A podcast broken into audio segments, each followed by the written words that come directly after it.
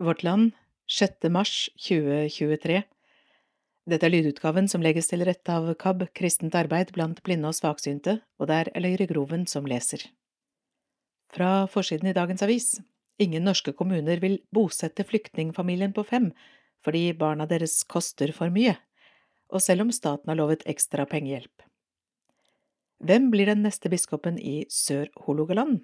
Og vil ikke møte Sametinget. Sametingspresidenten har bedt om møter med de tyske eierne av flere Fosen-vindmøller. De sier nei. Blant flere saker, redaktør er Bjørn Kristoffer Bore. Leder Et sted går grensen.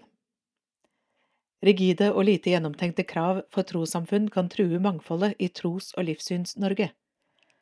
Akkurat nå arbeider regjeringen med å endre tros- og livssynsloven og komme et nytt høringsutkast til loven. Det bekreftet barne- og familieminister Kjersti Toppe, Sp, overfor Vårt Land i forrige uke. Sammen med Ap legger hun og Sp nå opp til en omkamp om stridspunkter i trossamfunnsloven fra 2020. Et av punktene handler om kriteriene for tilskudd til tros- og livssynssamfunn. Mellom linjene i Hurdalsplattformen lå det at dagens grense på 50 medlemmer for å motta støtte kunne bli høyere. Ap ønsket i utgangspunktet et krav på 500 medlemmer for å kvalifisere til statsstøtte. Senterpartiet ville sette grensen ved 100. 12,3% av befolkningen var i 2018 medlem av et trossamfunn utenfor Den norske kirke. Samme år hadde 43% av trossamfunnene færre enn 100 medlemmer. Det vil si at en mulig lovendring vil ha betydning for en stor andel av de mange små trossamfunn i landet, blant annet migrantmenigheter, småmenigheter i distrikter og mindre frikirkelige samfunn. Uheldig for mangfoldet. Ap og Sps ønske om bedre tilsyn med menigheten i Norge er forståelig, men tanken om at flere små tros- og livssynssamfunn kan forme paraplysamarbeid for å bli mange nok til å motta støtte, er utfordrende på flere måter. Det regjeringen i bunn og grunn signaliserer ved en slik endring, er at organiseringen av troslivet må plasseres i en A4-størrelse. Det kan true mangfoldet i Tros- og Livssyns-Norge. Det er også verdt å merke seg at trossamfunns måte å organisere seg på ikke bare handler om praktiske hensyn, men også om teologi. Pinsebevegelsen er et eksempel der hver enkelt menighet tradisjonelt har vært selvstendig, uansett størrelse. I et intervju med Vårt Land forteller Øystein Gjerme, leder for pinsebevegelsens lederråd, at dette bunner i deres måte å forstå Bibelen på. Det er et ufravikelig prinsipp at staten ikke skal blande seg inn i menigheters teologi og tolkning av religiøse tekster som Bibelen. En endring av trossamfunnsloven vil sette flere trossamfunn i en situasjon der de må velge mellom statsstøtte og sin forståelse av Bibelen. Dialog, ikke krav. Et sted må grensen gå. Det har styresmaktene helt rett i, men den grensen bør ikke komme i veien for det ganske sjeldne tros- og livssynsmangfoldet vi har her til lands. Bedre tilsyn er nødvendig, men den beste måten å gjøre det på er gjennom dialog, ikke gjennom rigide krav. Det håper vi dagens regjering tar inn over seg. Dagens kommentar er skrevet av politisk redaktør Berit Aalborg, Når krenkelser gjøres om til maktspill. En fersk bok om varslerne i Ap tydeliggjør en trend i både partiet og norsk presse. Varslene blir mistenkeliggjort og redusert til rått maktspill. Ingen andre metoo-varsler blir omtalt på denne måten. Forrige uke kom boka Varslerne, en fortelling om Giske-saken, seksuell trakassering og kulturen som tillater det, av Heidi Helene Sveen. Hovedlinjene i de fleste historiene er kjent fra før. Den nye boka er at varslerne får fortelle sin egen historie, derfor er boka definitivt verdt å lese. Allerede i januar 2018 ble det klart at partileder Jonas Gahr Støre og partisekretær Kjersti Stenseng trodde på varslernes historier. Arbeiderpartiet sendte ut en pressemelding med følgende tekst. Arbeiderpartiet har i dag, 25. januar 2018, ferdigstilt behandlingen av disse varslene og kommet til at det i flere av tilfellene har vært brudd på partiets retningslinjer mot seksuell trakassering. Motreaksjonene var mange og harde, ikke minst fra miljøet rundt Trond Giske og hans kone Hadi Njie. I boka til Njie gjør hun varslernes sosiale status til et poeng. Hun skriver de som har varslet om Trond er ikke maktesløse. De fleste er like privilegerte som oss og gjør karriere i politikk, kulturliv og organisasjoner. Mistenkeliggjøringen av varslene Det som er verdt å merke seg i varslerne, er at allerede før noen sto fram, ble det advart mot politisk maktkamp. 29. desember 2017 stilte Aftenposten følgende spørsmål til daværende leder av Aps kvinnenettverk Anniken Huitfeldt. Noen mener du i stortingsgruppen har advart mot varslinger som kan brukes i maktkamp. Hun svarte nei, det sa jeg ikke. Jeg mener saker skal varsles uansett. Det jeg sa, og leste fra manus, var at seksuell trakassering skal meldes inn, og at det ikke skal spres rykter for å brukes i en maktkamp. Til tross for avvisningen skapte hun en kobling mellom mulige varsler og den pågående maktkampen. Da varslene kom, ble denne koblingen forsterket og brukt i de delene av partiorganisasjonen som støttet Trond Giske. Varslene ble også forstått slik i deler av norsk presse. Det bidro åpenbart til svekking av varslernes troverdighet. Det har ført til at flere av varslerne opplevde to runder med grenseoverskridende atferd, først selve hendelsen, deretter mistenkeliggjøringen. Deres motiver for å varsle ble gjort om til en politisk motivert handling. At kretser i Arbeiderpartiet gjorde en slik kobling, er kritikkverdig. Det svekket dem også som et likestillingsparti. Vi ser på flere meningsmålinger at kvinnelige velgere forlot partiet i tiden som fulgte, men at deler av norsk presse slukte dette narrativet, er både uforståelig og kritikkverdig. Hadia Tajik rolle i varslersaken ble også en del av dette maktkampperspektivet. I Sveens nye bok står det at varslerne ble advart mot å fortelle sine historier til Tajik. Den nå avdøde sekretariatsleder i Aps stortingsgruppe Hans Christian Amundsen mente det ville nøre opp under historien om en maktkamp som var under oppseiling og hefte ved Tajik.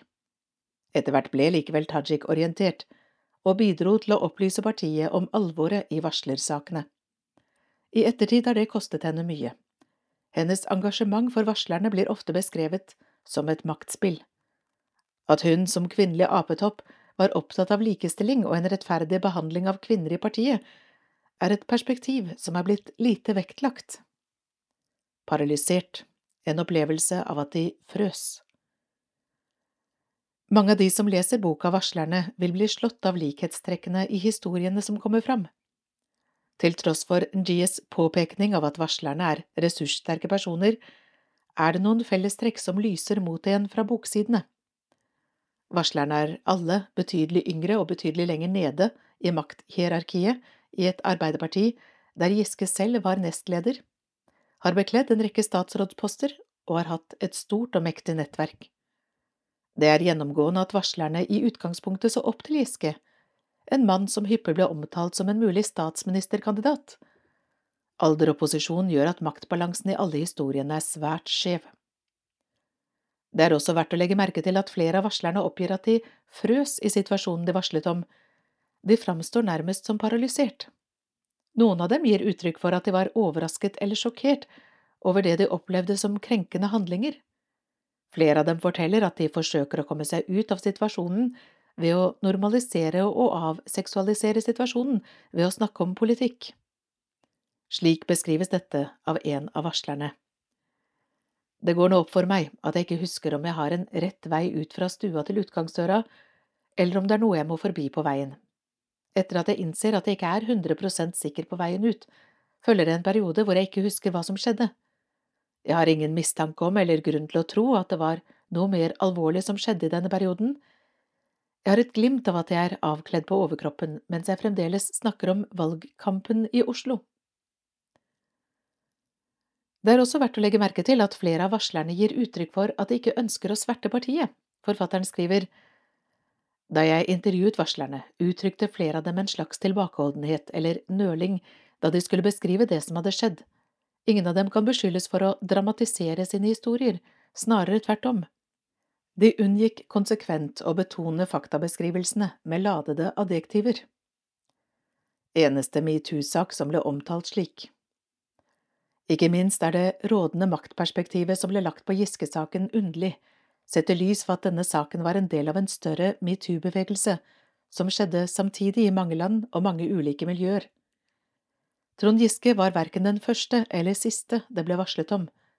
Det samme skjedde i alle de politiske partiene, i media, i Forsvaret, i kultursektoren og en rekke andre arbeidsplasser og organisasjoner. At varslingene mot Giske skulle stå i en særstilling som politisk maktkamp, faller på sin egen urimelighet. Giske-saken var derimot den eneste av varslingssakene fra denne perioden der miljøet rundt den påvarslede fikk lov å farge historiefortellingen så sterkt både i eget parti og i pressen. Dette skjedde til tross for hans eget parti, at de hadde slått fast at han hadde brutt partiets retningslinjer mot seksuell trakassering.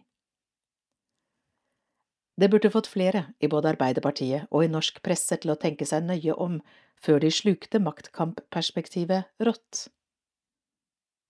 Da er det nyheter, og vi starter med forskjellsbehandling av flyktninger.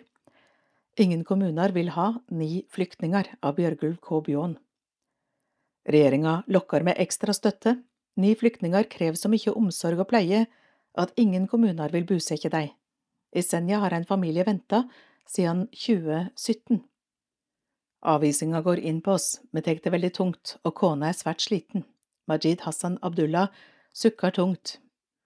Kurderen forteller Vårt Land at han er lei av å leve i uvisse. Han vil gjerne få starte familielivet i en kommune, og vite at her skal de bo, her skal de slå rot. Han, kona Khalida Ismail Abdul Qadir og de tre barna kom til Norge i 2015, søkte asyl og fikk opphold i 2017. Men de tre barna deres hindrer familien å bli bosette i en kommune. Alle tre er funksjonshemma. To har store behov for pleie og omsorg. Vi vil gjerne bli buende i Senja. Men er det en kommune som vil ta imot oss, flytter vi dit, sier Majid Hassan Abdullah. Er særlig velkomne. Ukrainske flyktninger er svært velkomne i Norge. Så langt har 234 kommuner sagt ja til å ta imot til sammen 22 390 i år, forteller tall fra Inkluderings- og mangfoldsdirektoratet, IMDi. I fjor blei vel 31 000 mennesker bosette i store og små kommuner. Det er det høyeste tallet noensinne. Det handler om å gi utstrekt hand, og her har Norge levert, sa inkluderingsminister Marte Mjøs Persen, Ap, da hun la fram tallene på en pressekonferanse i februar. Ei anna lita gruppe flyktninger har ingen kommuner rekt ut ei hand til. Alle er innvilga opphold i Norge. De har i hovedsak kommet til Norge sammen med foreldre. Ni venter på kommune. På omsorgsinstitusjoner sitter ni menn og kvinner og venter på å bli bosette i en kommune, opplyser IMDi til Vårt Land. Men til nå har ingen sagt kom til oss. Årsak? Det er for dyre å bosette. Det er alle det IMDi definerer som særlig oppfølgingsbehov, enten fysisk eller psykisk. De trenger pleie og omsorg livet ut dobla tilskudd. Å bosette funksjonshemma krever store ressurser, og så lenge statens tilskudd bare kommer de første fem åra, ser vi oss ikke i stand til å si ja til bosetting. Så sa ordfører Tom Rune Elisiussen, Sp, i Senja kommune til Vårt Land i 2020. For tre år siden sa Senja kommune nei til å bosette Majid Hassan Abdullah, Khalida Ismail, Abdul Kader og de tre barna deres. Barna måtte bli buende på en omsorgsinstitusjon i kommunen, og Utlendingsdirektoratet, altså staten, betaler regninga. I fjor ble ordfører Elisiussens egne krav innfridd. I oktober 2021 fremma Solberg-regjeringa et forslag om å doble tilskuddsperioden opp til ti år. 2022-budsjettet som Støre-regjeringa loste gjennom Stortinget, støtta opp om støtteauken. Likevel vil ikke Senja kommune bosette søskenflokken sammen med far og mor. Ekstrakostnad 4,5 millioner årlig. Inkluderingsminister Marte Mjøs Persen mener det har gode ordninger som burde sikre den vesle gruppen med flyktninger ei bedre framtid i en kommune. IMDi prioriterer arbeidet med bosetting av flyktninger med særlige behov, og har dedikert særskilte ressurser til dette, skriver Ap-statsråden i et brev til Stortinget, og legger til vi har gode økonomiske støtteordninger til kommuner som bosetter flyktninger. Det er Senja-ordfører Elisiussen svært usamd i. Vi sier nei til familien av to årsaker, økonomi og helsepersonell. Vi har rekna ut at sjølv med auka statleg tilskudd vil vi sitte attmed en årlig ekstrakostnad på 4,5 millioner kroner. Videre må vi rekruttere 14 ekstra helsearbeidere, mellom anna sykepleiere. Dette er kompetanse det allerede i dag er vanskelig å få til Senja, sier han til Vårt Land. Møte statsråden. I dag vil kommuner som sier ja til å bosette flyktninger med nedsatt funksjonsevne og eller atferdsvansker, få et ekstratilskudd på opptil 1 520 000 kroner per år i ti år. I tillegg kommer det ordinære integreringstilskuddet.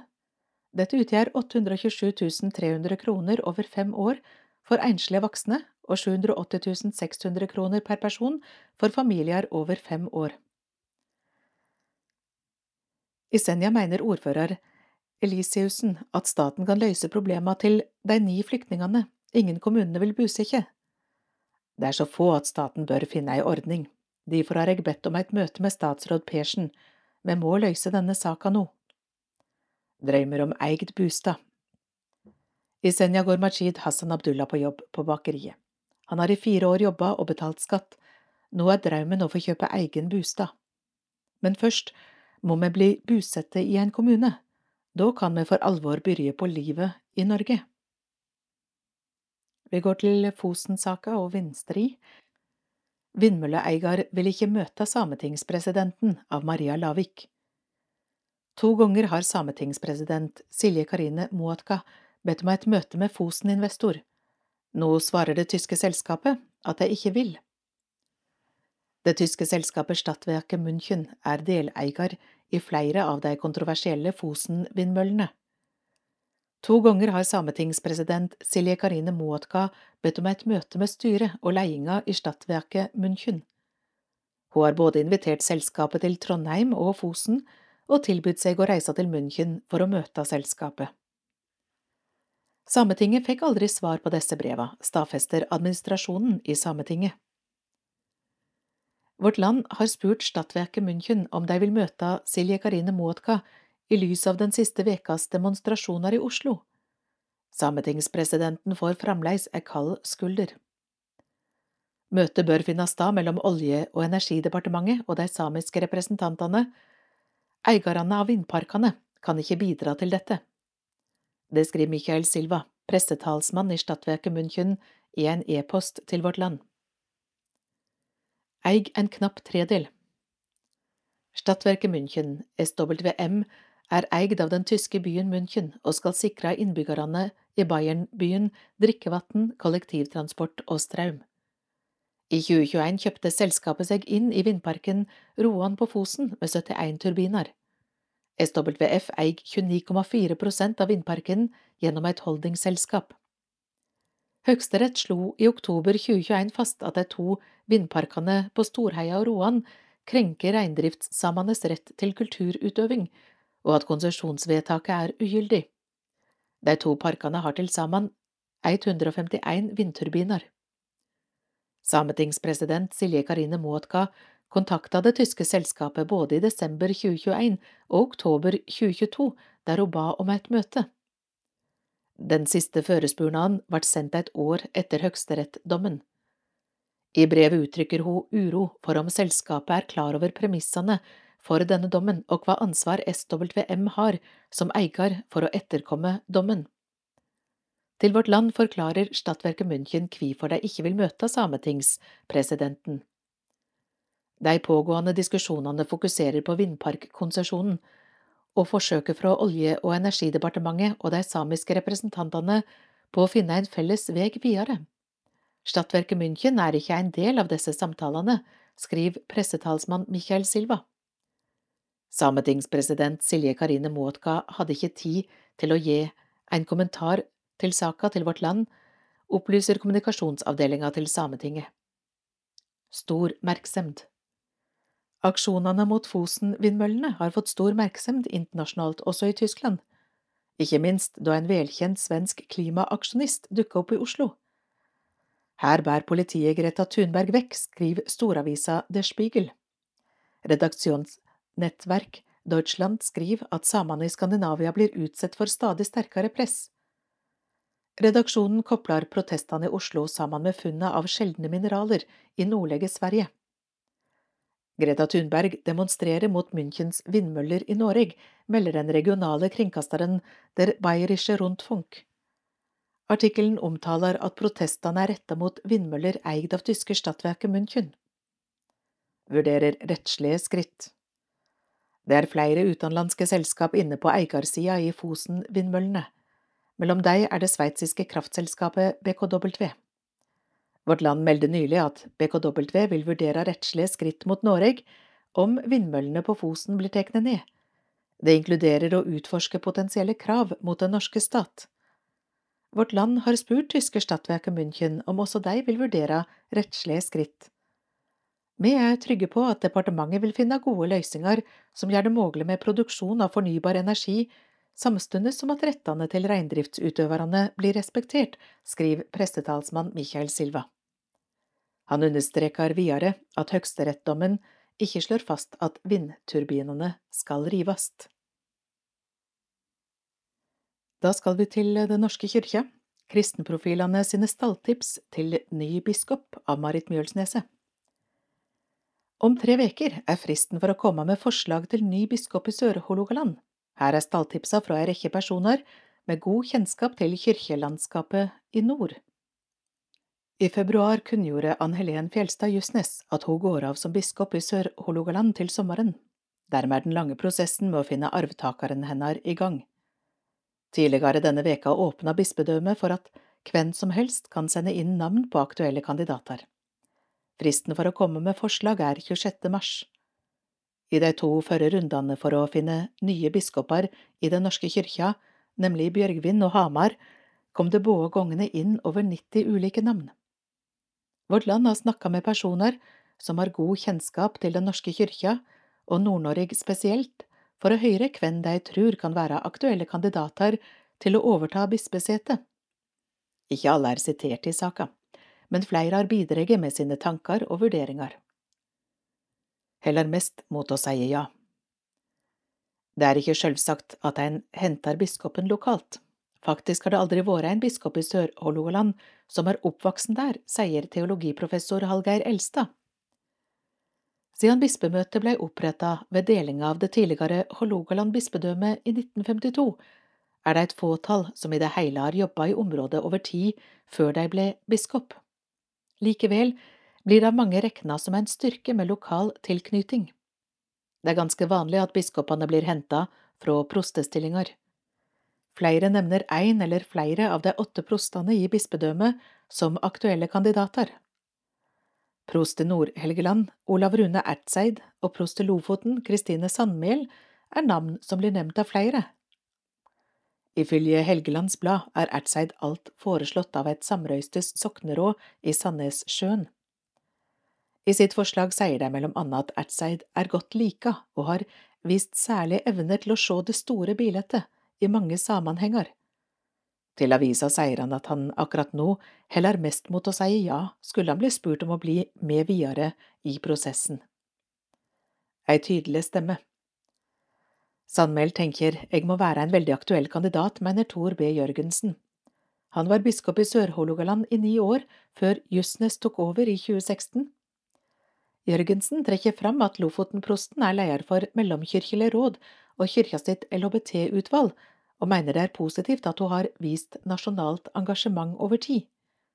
Hun har vært ei tydelig stemme for likekjønna ekteskap, og det ville vært ei viktig markering å ha en biskop i en slik livssituasjon, sier Jørgensen og sikter til at Sandmæl er gift med ei kvinne. Sandmæl var en av de fem siste kandidatene til bispestillinga i Sør-Hålogaland i 2015, da Justnes trakk det lengste strået.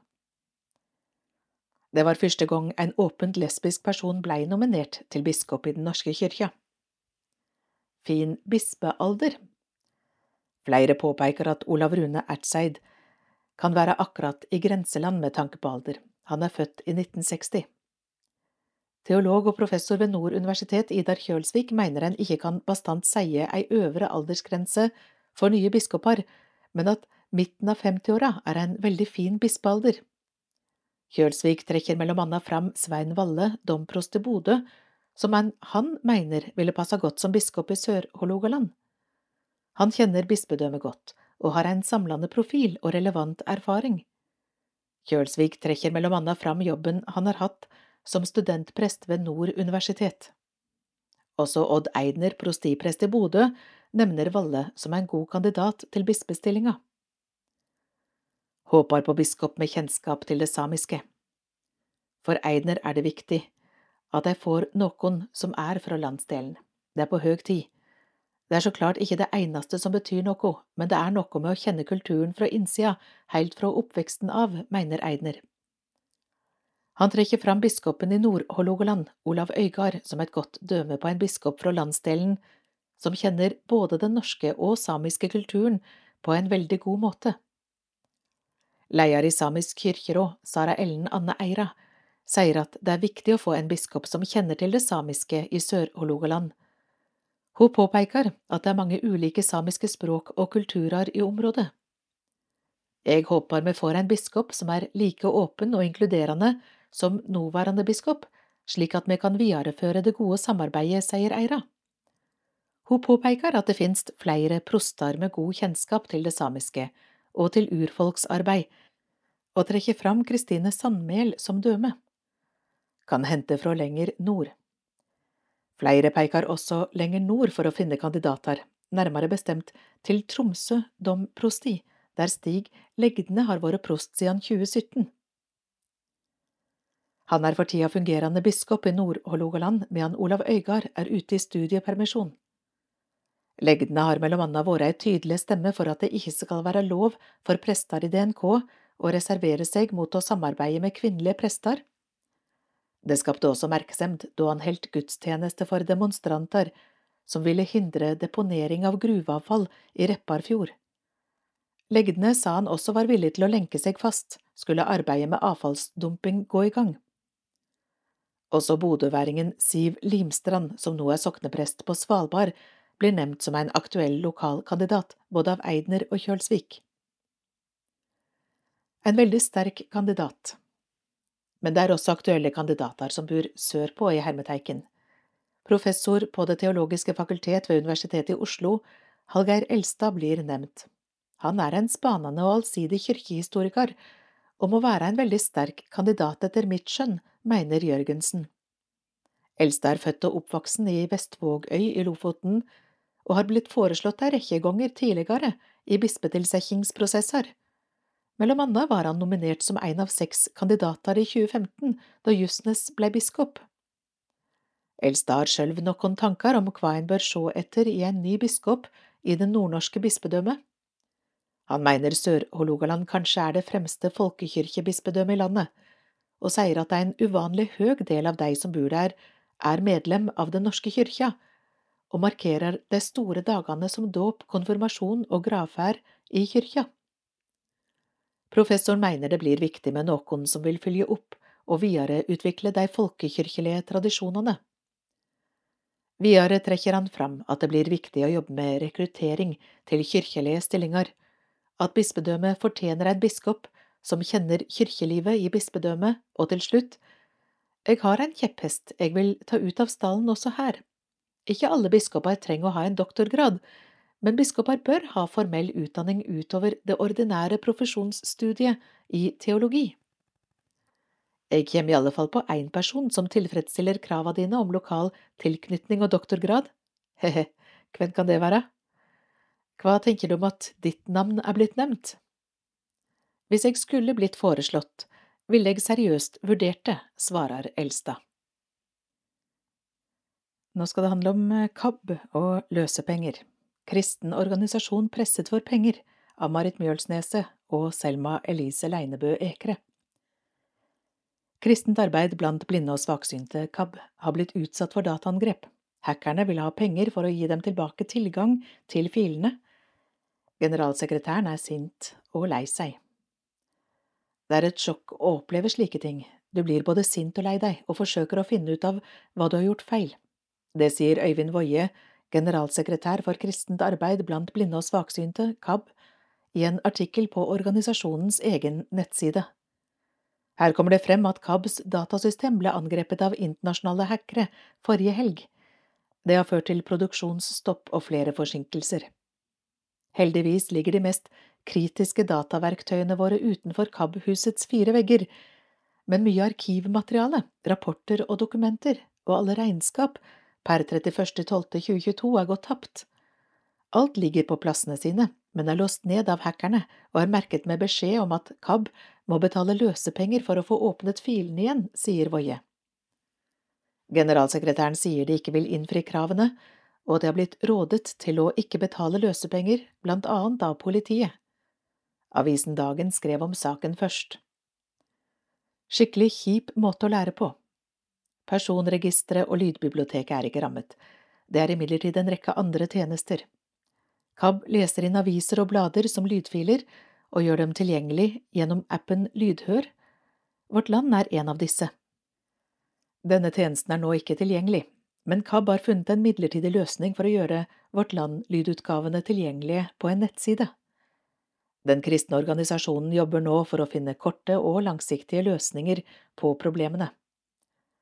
Generalsekretæren sier de tidligere har regnet at det er lav risiko for at de skulle bli utsatt for et slikt dataangrep, da man vanligvis ser at de er rettet mot større og mer pengesterke institusjoner. Noen har til og med sagt at de ikke vil angripe ideelle organisasjoner, sier Woie, som mener det er mye læring i slike kriser. Men det er en skikkelig kjip måte å lære på. Nå jobber staben for å få produksjonslinjene opp og gå igjen, og så får vi finne ut hvilke tiltak og rutiner vi må legge inn for å sikre oss og ruste oss bedre i fremtiden, sier Woie på organisasjonens nettsider. NB Vårt Land har et samarbeid med KAB om innlesing av e-avisen som lydprodukt, samt et kommersielt samarbeid for funksjonen Ring avisa. Da skal vi over til samlivsjuss, skal vurdere ny samboerlov av Selma Elise Leinebø Ekre. Et nytt utvalg skal foreslå nye måter å beskytte samboere på økonomisk, både under samboerskapet og ved et brudd. Fredag utnevnte regjeringen et offentlig utvalg som skal vurdere behovet for regulering av de økonomiske forholdene mellom samboere. Utvalget er utnevnt for å følge opp et vedtak fra Stortinget som har bedt regjeringen om å utgreie en ny samboerlov.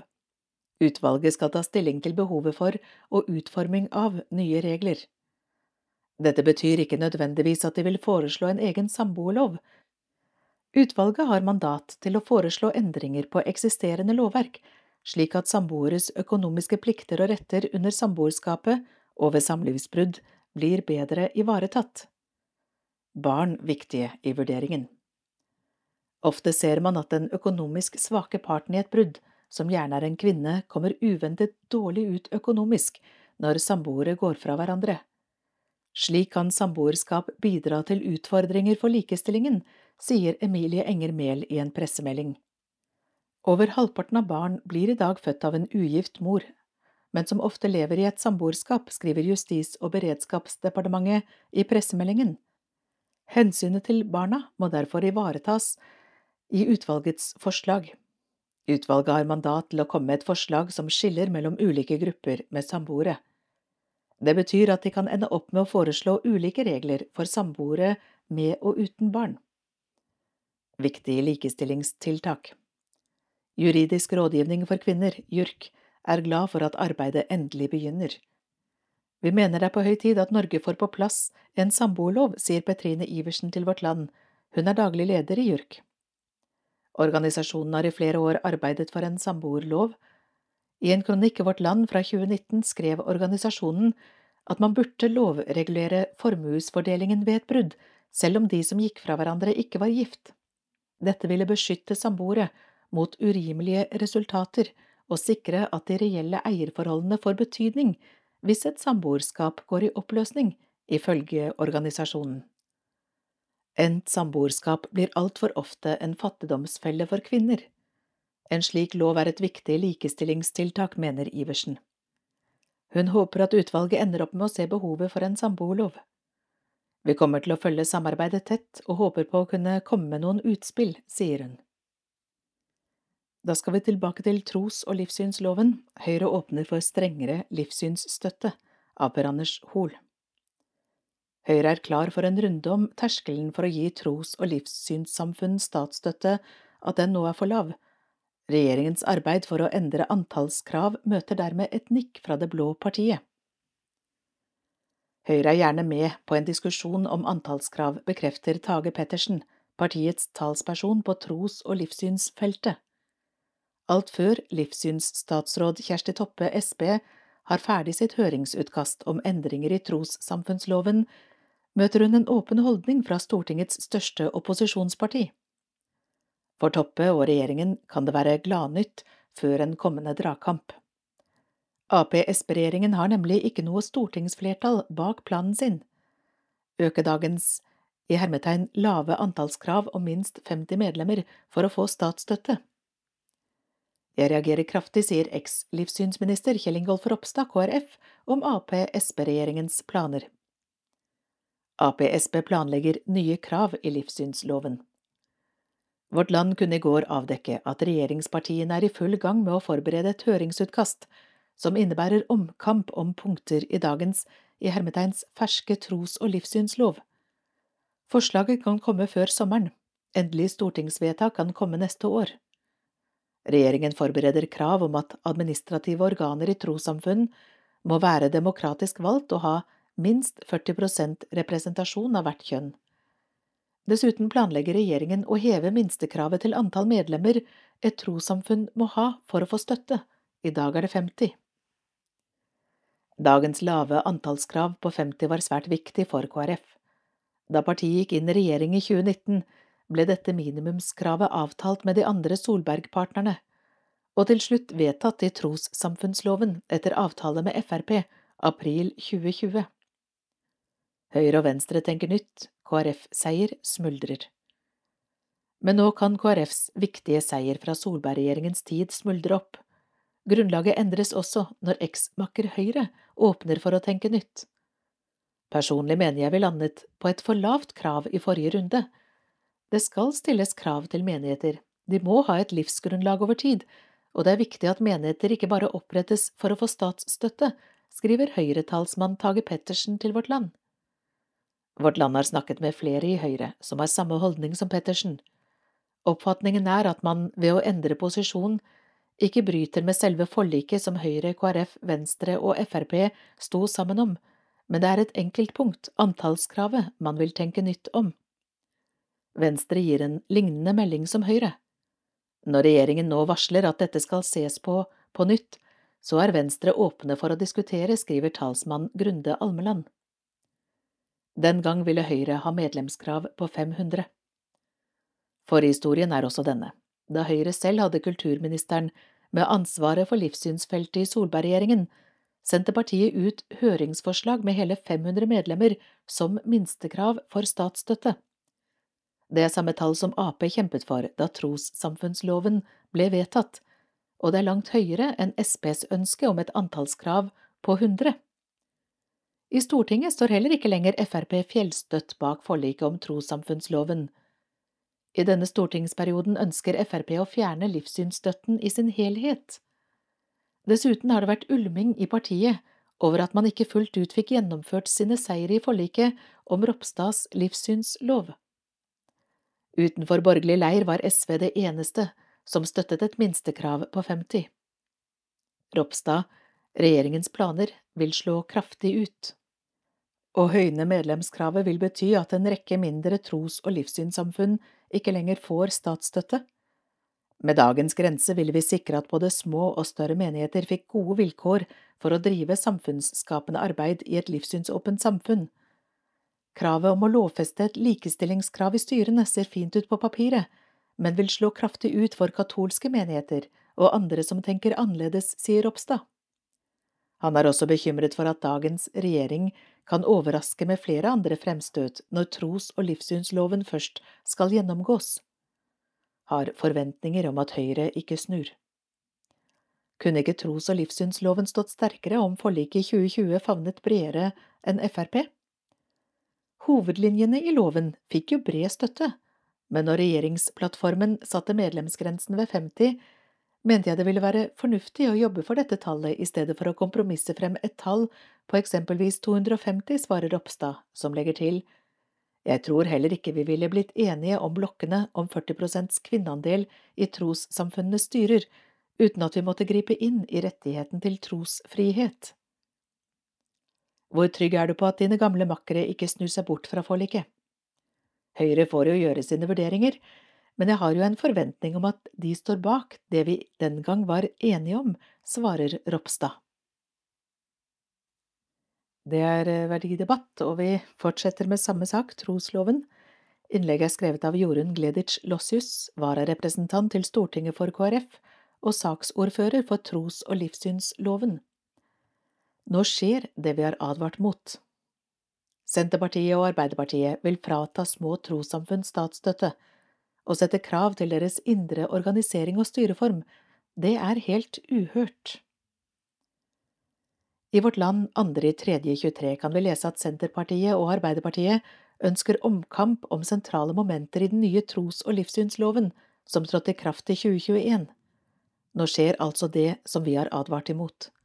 Senterpartiet og Arbeiderpartiet vil frata små trossamfunn statsstøtte og sette krav til deres indre organisering og styreform, det er helt uhørt. I behandlingen av den nye loven foreslo Senterpartiet et antallskrav på 100 medlemmer for at menigheter og trossamfunn skulle motta statsstøtte. Kravet var begrunnet med deres ønske om økt tilsyn og kontroll. Dersom dette forslaget hadde fått støtte, ville det i praksis bety at 356 trossamfunn hadde mistet støtte. Er det dette kravet de nå på nytt vil løfte, eller er det Arbeiderpartiets antallskrav på 500 medlemmer? Dersom dette forslaget skulle gå igjennom, vil over 600 trossamfunn miste statsstøtte, eller bli tvunget sammen i unaturlige sammenslutninger, og det er alvorlig. Bare innenfor kristne trossamfunn har vi et helt spekter av menigheter, og det mangfoldet er bra, fordi det betyr at ulike mennesker kan finne sitt åndelige hjem. Trossamfunnene er bevisste. Nok en gang tar også Senterpartiet og Arbeiderpartiet opp sin likestillingskjepphest om krav til 40% kjønnsrepresentasjon i ulike råd og styrer i tros- og livssynssamfunnene. Det til tross for at selv Likestillingsombudet har sagt at dette vil være et lite hensiktsmessig grep å gjøre. Denne type endringer må vokse frem innenfra og naturlig over tid for at de skal være verdt noe.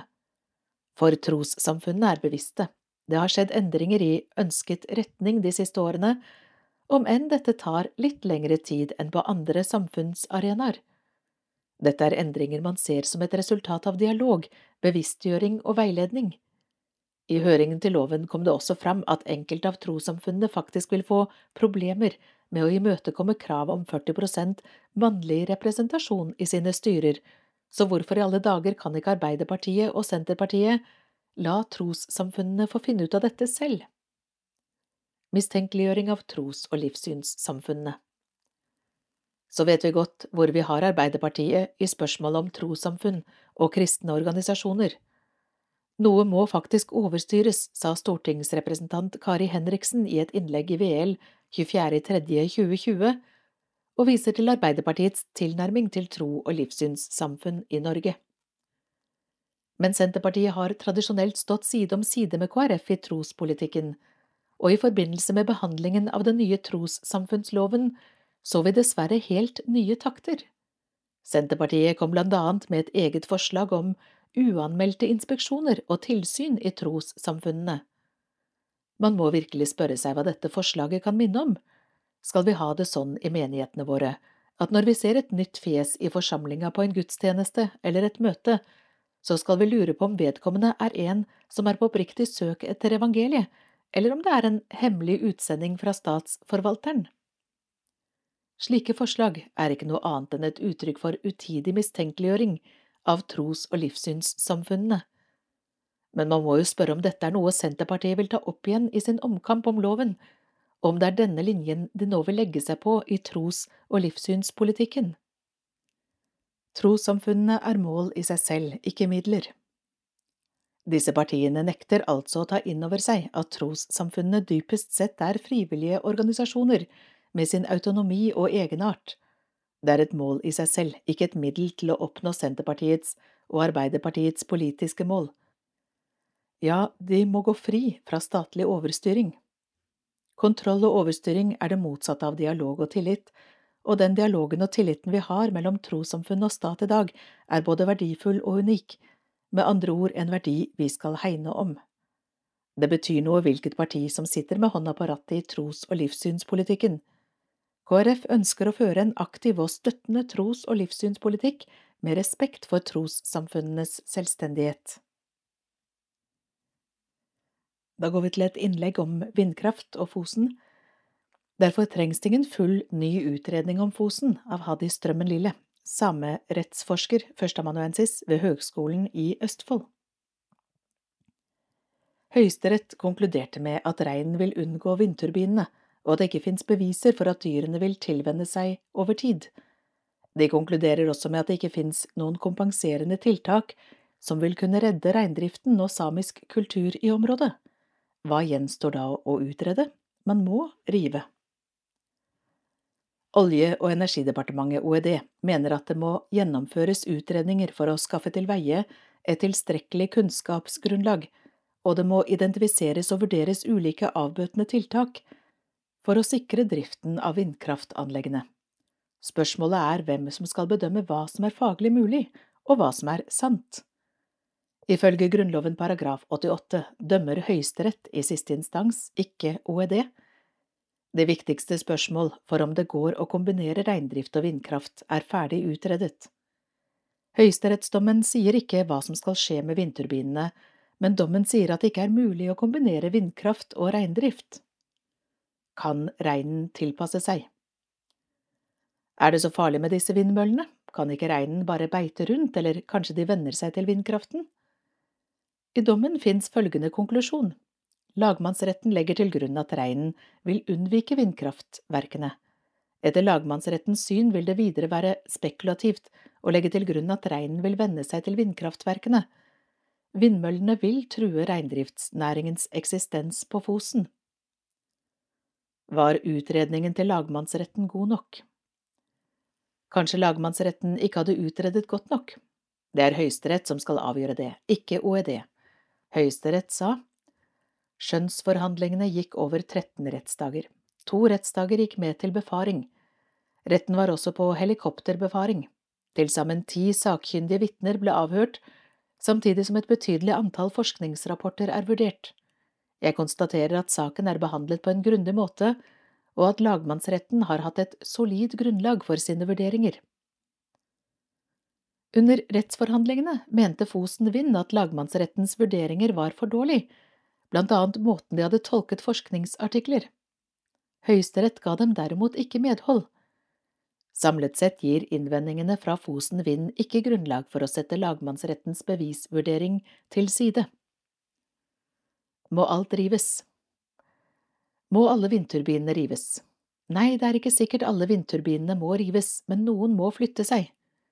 I dommen står det blant annet at det er særlig den østlige delen av Roan vindkraftverk, Haraheia, som påvirker reindriften. Det kan bety at den vestlige delen, altså de vindmøllene som ligger utenfor Hareheia, muligens kan stå. Oppdatert GPS-forskning konkluderer derimot med at rein unnviker vindmøller i en radius på ti kilometer. Men greit nok, spørsmålet om hvilke og hvor mange vindturbiner som må rives, ble ikke avklart av Høyesterett.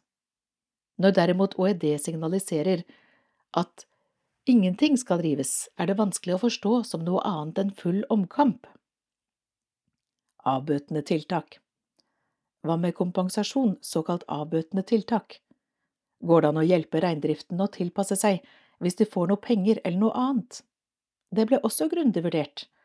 Lagmannsretten mente det gikk å kompensere ved hjelp av fòring, men Høyesterett forkastet den løsningen. Vinterfòring avviker vesentlig fra tradisjonell nomadisk reindrift. Det er heller ikke fremlagt opplysninger om virkningen for dyrevelferden. Det fremstår videre som usikkert om et slikt opplegg er forenlig med reineiernes rett til å utøve sin kultur etter SP artikkel 27 andre avbøtende tiltak. Men kanskje det finnes noe annet man kan gjøre enn fòring. Høyesterett la til grunn følgende. Når lagmannsrettens avgjørelse leses i sammenheng, må den videre forstås slik at andre tiltak ikke vil ha tilstrekkelig kompenserende effekt. Etter å ha vurdert kompensasjon som løsning, konkluderte Høyesterett med at man ikke kan bygge på et slikt tiltak som ledd i reindriftens tilpasningsplikt.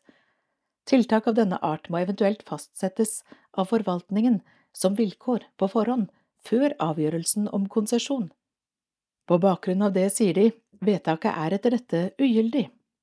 OED har foreslått at man kan stoppe driften hver gang en rein kommer nær nok. Det er selvinnlysende at når så store kapitalinteresser står på spill, er et slikt forslag helt urealistisk, og det vil skape grobunn for endeløse kamper og konflikter i området der reindriften vil tape. Det er bare fòring som kan ha tilstrekkelig kompenserende effekt, ifølge Høyesterett, og det kan man ikke bygge på. Hva gjenstår da? Man må rive.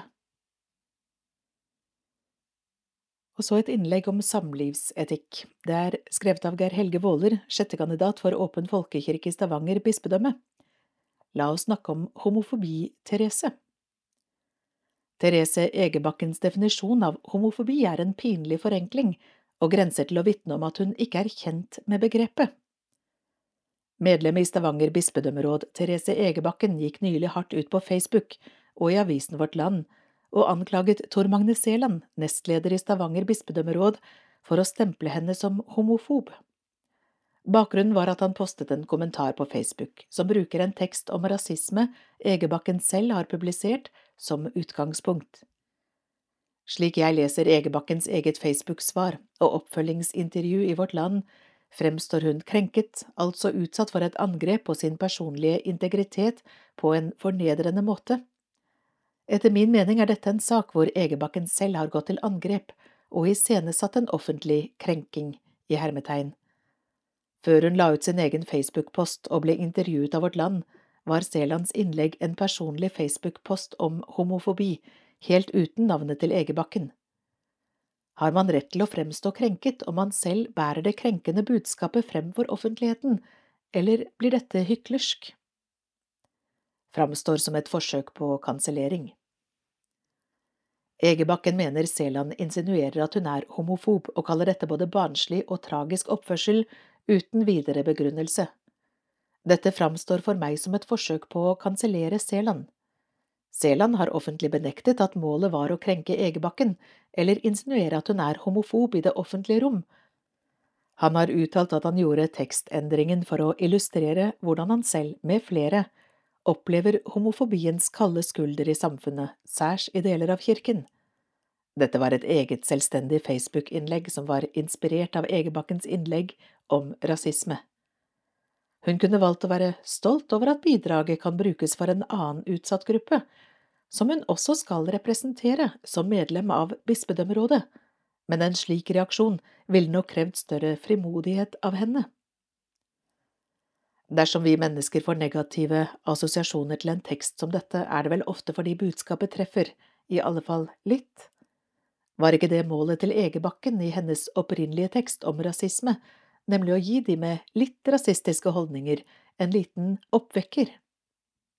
Egebakkens påstand om at hun blir offentlig hengt ut, må tilbakevises, og viktigere, hennes påfølgende krav om at et annet folkevalgt rådsmedlem skal trekke seg, henger ikke på grep i en demokratisk organisasjon som Den norske kirke. En slik reaksjon vil være svært alvorlig for kirkedemokratiet. Hva er det å være homofob? I oppfølgingsartikler i Vårt Land kommer det frem at Egebakken, som selv ikke betrakter seg som homofob, definerer homofobi som en holdning om at homofile er ekle eller lignende. Denne definisjonen av homofobi er en pinlig forenkling og grenser til å vitne om at Egebakken ikke er kjent med begrepet overhodet. Jeg tror egentlig også Egebakken er enig i at homofobi innbefatter mer enn hva en slik definisjon dekker. Dersom man ikke er homofob, viser man homofile samme respekt som andre i samfunnet, uten innskrenking av verken plikter eller rettigheter. Man behandler altså ganske enkelt vedkommende som alle andre i samfunnet. Om Egebakken virkelig er homofob eller ikke, skal heldigvis ikke jeg avgjøre. Jeg kjenner henne ikke utover Vårt Land sin omtale, og hennes egne offentlige uttalelser de siste dagene, og har ingen forutsetning for å kjenne hvor hennes hjerte er for homofile mennesker. Det jeg kan si, er at hennes synspunkter, hvor hun verken støtter ekteskap mellom likekjønnede, pride eller ansettelser av homofile i kirken, taler imot at hun er homovennlig. Det håper jeg vi alle kan være enige om. I dagens kultursak skal vi til et vendepunkt. Norges farligste mann, Troen hjalp meg til å snu, av Lars Gilberg. Gulam Abbas kom skjevt ut i livet, så skjevt at politiet mente han var Norges farligste mann. Nå vil han hjelpe barn og ungdom til å finne fotfeste fra start. Da Abbas var 16 år gammel, ble kameraten hans skutt og drept. Det var et sjokk. Min mor sa at jeg burde gå i begravelsen, ta farvel og be for ham. Det var litt fremmed for meg. Jeg praktiserte ikke religionen så veldig på den tiden, men jeg er glad jeg hørte på moren min. Det skjedde noe terapeutisk der og da, som jeg ikke helt utforsto den gangen, forteller Golam Abbas, eller bare Abbas som de fleste kaller ham. Han har holdt en lav profil de siste årene, kjenner ikke noe behov for å få ansiktet sitt på avisenes forsider, etter at han i flere år ble brukt som politiets skremmebilde på hvor langt kriminaliteten i Norge var kommet. Vil snakke om verdier. I dag studerer Abbas sosialt arbeid ved Diakonhjemmet. Han betaler ned gammel gjeld, driver sosialt arbeid. Abbas holder også foredrag om hvordan han havnet i det harde kriminelle miljøet, og hvordan han kom seg ut. Da Kjetil Østli ga ut boka Gudfaren i fjor, sa vaskeseddelen at dette var en fortelling om makt, dop, penger, hevn, vold og ære. Abbas vedkjenner seg sin historie. Den står i sterk kontrast til de verdiene han vil snakke med vårt land om i dette intervjuet. Han snakker lavmælt og tar seg god tid til å veie ordene. Takknemlighet, tilgivelse og ydmykhet er de tre viktigste verdiene for meg nå, sier han. Skeptisk til kristendommen. Ghulam Abbas tror de fleste av oss kan se tilbake på livshendelser som kunne gått begge veier, situasjoner der det kunne gått helt galt, situasjoner vi har lært mye av. 46-åringen ser mye i bakspeilet som han har lyst til at andre skal slippe å oppleve. Det var troen som hjalp meg til å snu. Jeg hadde påført andre smerte ved at jeg var en egoist i mine handlinger. Religionen førte meg til mitt vendepunkt dit hvor jeg kunne starte på den reisen hvor jeg kan bety noe for andre. Abbas innrømmer at han var usikker før han begynte på den kristne høyskolen VID etter at han var ferdig å sone i fengselet. Jeg var litt skeptisk til å begynne med, for de bygger jo på en annen religion, selv om islam og kristendommen har mange like verdier. Men jeg er glad jeg ga det sjansen. Jeg har lært veldig mye, lært hvor mye vi har felles, ikke minst i det sosiale arbeidet. Har du endret syn på det kristne budskapet? Ja, tidligere hadde jeg ikke nok kunnskap, men nå vet jeg mer. Jeg tror de fordommene som finnes, i stor grad handler om mangel på kunnskap. Hva slags kunnskap? Først og fremst å få en teoretisk ramme til å forstå egne erfaringer. Det hjelper meg til å se ting med andre briller, og det vil jeg lære bort til ungdom. Hvor mye nyttig kunnskap man får ved å se virkeligheten med andre briller enn sine egne. Det gir nyanser, gjør at man blir ydmyk. Vaksine mot dårlig påvirkning Ydmykheten er et viktig element i alle religioner, mener Gulam Abbas, og ydmykheten bringer med seg takknemlighet og tilgivelse. Norge er jo bygget på slike verdier fra kristendommen, og jeg kjenner meg igjen i dem. Men samfunnet har forandret seg, mennesker er altfor opptatt av materielle ting og status. De unge blir forledet til å tro at et vellykket ytre er det samme som lykke. Hvordan kan man stå imot en sånn påvirkning? Vi må begynne mye tidligere. Barna må lære gode verdier i barnehagen. Selv på barneskolen kan det være for seint. Vi må få inn kompetanse i barnehagene, sånn at barna føler seg sett, og sånn at de voksne får hjelp til å være gode foreldre. Det vil være en god vaksine mot dårlig påvirkning senere i livet. Hva med alle dem som søker til det kriminelle miljøet fordi de trenger spenning og adrenalin? Der er idretten viktig. Man kan lære disiplin gjennom all idrett, og særlig kampsport. I lagspill lærer man samarbeid og kjenner fellesskap, og flere må få teste ut risikosport.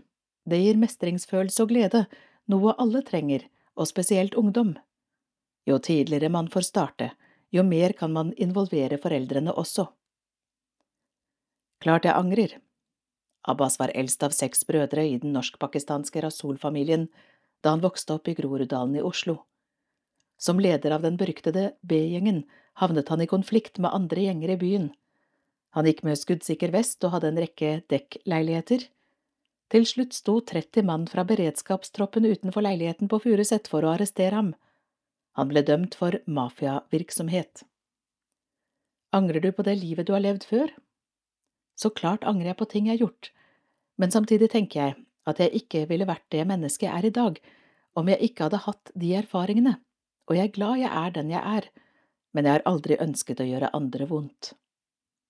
Abba sier det er godt å kunne gi noe tilbake nå. Jeg ønsker å være den personen for barn og unge som ikke var der for meg da jeg trengte det mest. Gjennom mitt eksempel ønsker jeg å vise at du får mer respekt ved å være ydmyk enn ved å skape frykt. Det siste gir bare en kortvarig effekt. Er streng mot barna. Ghulam Abbas ber fem ganger om dagen. Han tar friminuttene på skolen til hjelp for å få det til. Bønn er viktig for meg, det gir meg kontakt med Gud. Å vite at det finnes en allmektig, en jeg kan snakke med, det gjør så stor forskjell. For jeg har ikke mange venner i dag. Jeg vet mange har mistet dette perspektivet i livet sitt, men for meg gir det stor styrke. Hva ber du om? Vi gjør feil og synder hele tiden. Da må vi be Gud og andre om tilgivelse. Og vi må også takke Gud og hverandre for alt det gode. Gjør vi det, blir vi bedre mennesker, og vi gjør verden bedre. Hva er du mest takknemlig for? At jeg har Gud i mitt liv, at jeg har en fin familie og barn med god helse. Det er så viktig å sette pris på det man har. Det gir livet mening og skaper glede i hverdagen. Hva er viktigst for deg som far? Jeg merker at jeg kompenserer litt for hva jeg har opplevd selv, og det kan nok hende at jeg overdriver med å være streng mot barna mine. Jeg vil at de skal få dekket sine behov, men også at de skal forstå hvor heldige de er, sånn at de ikke blir bortskjemte. Barna skal overta samfunnet etter oss, og den arven vi gir dem avgjør hvordan de vil behandle oss når vi blir gamle. Ensomheten blant de eldre i Norge gjør meg fortvilet. De har stått på hele sitt liv for å bygge det fantastiske landet vi har i dag, og så blir de bare glemt. Ettertanke Bibelteksten Lukas 7, 36–50 En av fariseerne innbød Jesus til å spise hos seg, og han gikk inn i fariseerens hus og tok plass ved bordet. Nå var det en kvinne der i byen som levde et syndefullt liv. Da hun fikk vite at Jesus lå til bords i fariseerens hus, kom hun dit med en alabastkrukke med fin salve. Hun stilte seg bak Jesus nede ved føttene og gråt. Så begynte hun å fukte føttene hans med tårene og tørket dem med håret sitt. Hun kysset føttene hans og smurte dem med salven. Da fariseeren som hadde innbudt ham så det, tenkte han med seg selv, var denne mannen en profet, vil han vite hva slags kvinne det er som rører ved ham, at hun fører et syndefullt liv. Da tok Jesus til orde. Simon, sa han til fariseeren, jeg har noe å si deg. Si det, mester, svarte han. Jesus sa, To menn hadde gjeld hos en pengeutlåner. Den ene skyldte 500 denarer, den andre 50. Men da de ikke hadde noe å betale med, etterga han dem begge gjelden. Hvem av dem vil da holde mest av ham? Simon svarte, Den han etterga mest, tenker jeg. Du har rett, sa Jesus. Så vendte han seg mot kvinnen og sa til Simon, Ser du denne kvinnen? Jeg kom inn i ditt hus. Du ga meg ikke vann til føttene mine, men hun fuktet dem med tårer og tørket dem med håret sitt. Du ga meg ikke noe velkomstkyss, men helt fra jeg kom, har hun ikke holdt opp med å kysse føttene mine.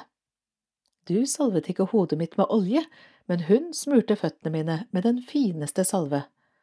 Derfor sier jeg deg, hennes mange synder er tilgitt, derfor har hun vist stor kjærlighet, men den som får lite tilgitt, elsker lite.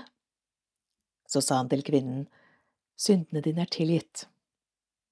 Da begynte de andre gjestene å spørre seg selv, hvem er han som til og med tilgir synder?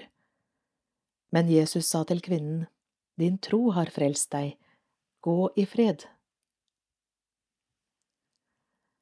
Gardinen ned og garden opp av Knut Grønvik, pensjonert prest. Ingen liker å bli stemplet som syndere. Tilgivelse derimot, det vil de fleste ha, og er noe absolutt alle trenger. Jeg lærte litt om dette når jeg møtte nybakte foreldre til dåpssamtaler. Tanken om at alle mennesker er syndige, helt fra fødselen av, virket både fjern og provoserende. Ikke minst når de satt der med sine vidunderlige, søte små på fanget. Syndere de, liksom? De er født med menneskeslektens synd og skyld, het det i Den norske kirkes forrige dåpsliturgi, intet mindre. Det lød jo nærmest som en anklage, en stempling. Muligens teologisk velbegrunnet, men snakket jeg om synd, gikk gardinen ned og garden opp. Begrepet synd har jo fått en viss slitasje og klinger dårlig i manges ører, som Morten Marius Larsen nylig skrev i en kommentar her i avisen. Derfor sa jeg heller omtrent som så. Det kommer til å gå med disse uskyldsrene barna som det har gått med oss alle. Det kommer til å gjøre mye bra, men akkurat som oss vil de også ta dårlige valg som går utover både dem selv og andre. De kommer rett og slett til å trenge tilgivelse. Da fikk jeg nikk og smil rundt bordet, dette kunne de kjenne seg igjen i. Sånn er det å være menneske. Ser du denne kvinnen, sa Jesus da han konfronterte fariseeren Simon mens de satt til bords. Ser du dette mennesket, eller stempler du henne bare som en synder?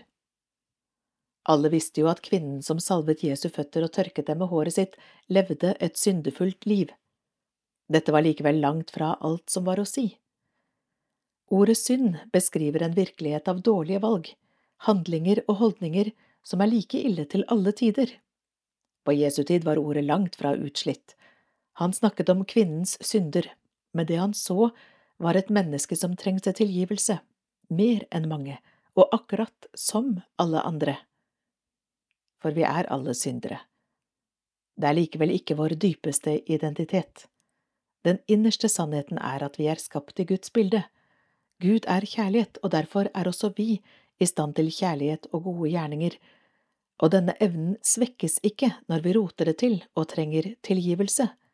Det er snarere omvendt. Den som får lite tilgitt, elsker lite. Dagens lydavis er med dette slutt, men i morgen så kommer det en ny en. Og som jeg leste tidligere i avisen, så har da altså KAB funnet en løsning for å distribuere lydutgaven av nettopp Vårt Land, som du antagelig vet siden du hører på. Uansett, ha en fin dag.